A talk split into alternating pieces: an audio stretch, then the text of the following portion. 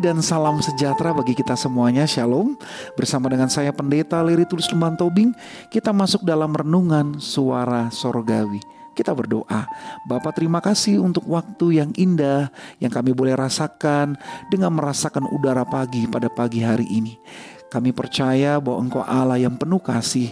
Kami sudah melalui istirahat kami di sepanjang malam lewat cuaca hujan yang boleh kami jalani.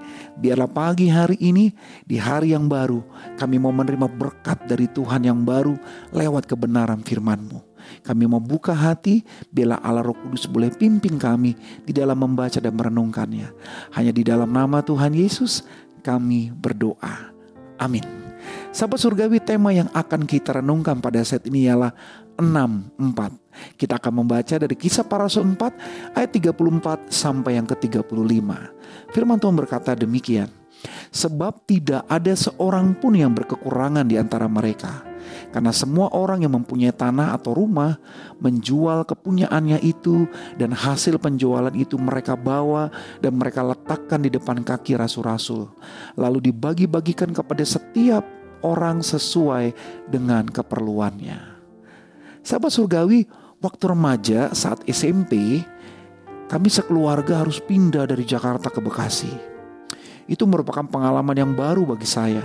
Harus ada penyesuaian kembali, sebab jarak dari rumah ke sekolah membutuhkan perjalanan dua jam menaiki bis umum. Ada kebiasaan pagi yang saya lakukan setiap hari.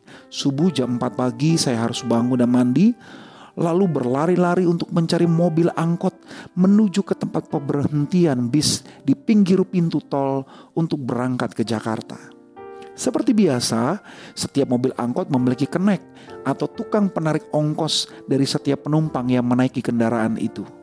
Lalu dengan suara nyaring, saat rombongan orang kerja dan anak-anak sekolah berebut masuk ke mobil angkot, lalu si kenek itu akan berkata, 6464. Artinya setiap penumpang harus duduk sesuai kapasitas bangku yang ada. Di sebelah kiri bangku yang panjang berisi enam orang dan bangku pendek di sebelah kanan hanya untuk empat orang. Kalau diisi lebih maka biasanya ibu-ibu atau anak muda perempuan akan berteriak, "Mas, Kang, ini kebanyakan orang loh." Apalagi kalau yang masuk orangnya bertubuh besar dan gempal, maka penumpang sudah memasang mata yang tajam dan melihat orang tersebut dengan nafas tersengal. Artinya, wah bisa cukup gak sih bangkunya? Nah itulah kenyataan yang terjadi kehidupan di kota besar selalu berkejar-kejaran dengan waktu, bahkan belajar untuk bisa menyesuaikan diri, bahkan membuka ruang dan berbagi untuk sesama. Sebagai pribadi yang sama-sama memiliki kebutuhan untuk dipedulikan dan diutamakan, sebab berangkat ke tempat tujuan yang diinginkan. Bayangkan bila semua orang yang ada egois dan tidak mau berbagi ruang dengan yang lain, maka mudah sekali terjadi konflik dan cekcok, bahkan semua akan mendapat rugi. Nah, hari ini sahabat surgawi, kita bersama akan belajar bagaimana seharusnya kita bersikap kepada yang lain. Seperti yang Tuhan Yesus ajarkan, segala sesuatu yang kamu kendaki supaya orang perbuat kepadamu, perbuatlah demikian juga kepada mereka. Semua orang ingin diperlakukan sama. Demikian kita pun seharusnya melakukan kepada yang lain. Itulah yang nampak dalam kehidupan jemaat mula-mula. Mereka menunjukkan kehidupan bersama, saling berbagi, dan saling mengisi dan melengkapi tidak ada yang berkekurangan karena mereka sama-sama mendapatkan perhatian dan juga sama-sama dipedulikan sehingga tidak menimbulkan iri dan dengki di antara mereka yang ada adalah saling support dan memberi pertumbuhan dalam relasi dan kebahagiaan.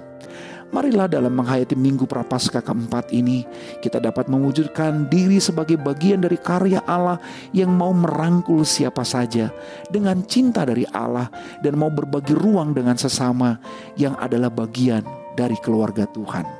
Tuhan menolong kita mewujudkannya dalam kehidupan kita masing-masing. Amin. Kita berdoa. Bapak terima kasih untuk refleksi pada pagi hari ini.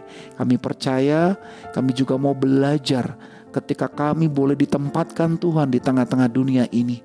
Tuhan memanggil kami untuk menjadi berkat, mau berbagi ruang dengan yang lain. Karena kami tahu bahwa keberadaan kami Engkau tempatkan untuk kami bisa saling melengkapi dan menumbuhkan di dalam relasi. Kami memohon kiranya kami mau belajar untuk juga peduli dan juga mau membagi ruang kepada sesama kami, bahkan kepada mereka yang sesungguhnya membutuhkan cinta dari Allah, dan kiranya kami dimampukan untuk merangkul siapa saja, supaya mereka pun juga merasakan kasih dari Allah. Terima kasih Bapa, kami serahkan hidup kami, keluarga kami, diri kami, gereja kami, agar semuanya boleh menjadi pribadi yang sungguh boleh memuliakan Tuhan. Terima kasih, hanya di dalam nama Tuhan Yesus kami berdoa dan kami menyerahkan aktivitas kami di hari ini hanya di dalam pertolongan Tuhan. Amin. Tuhan memberkati kita semuanya.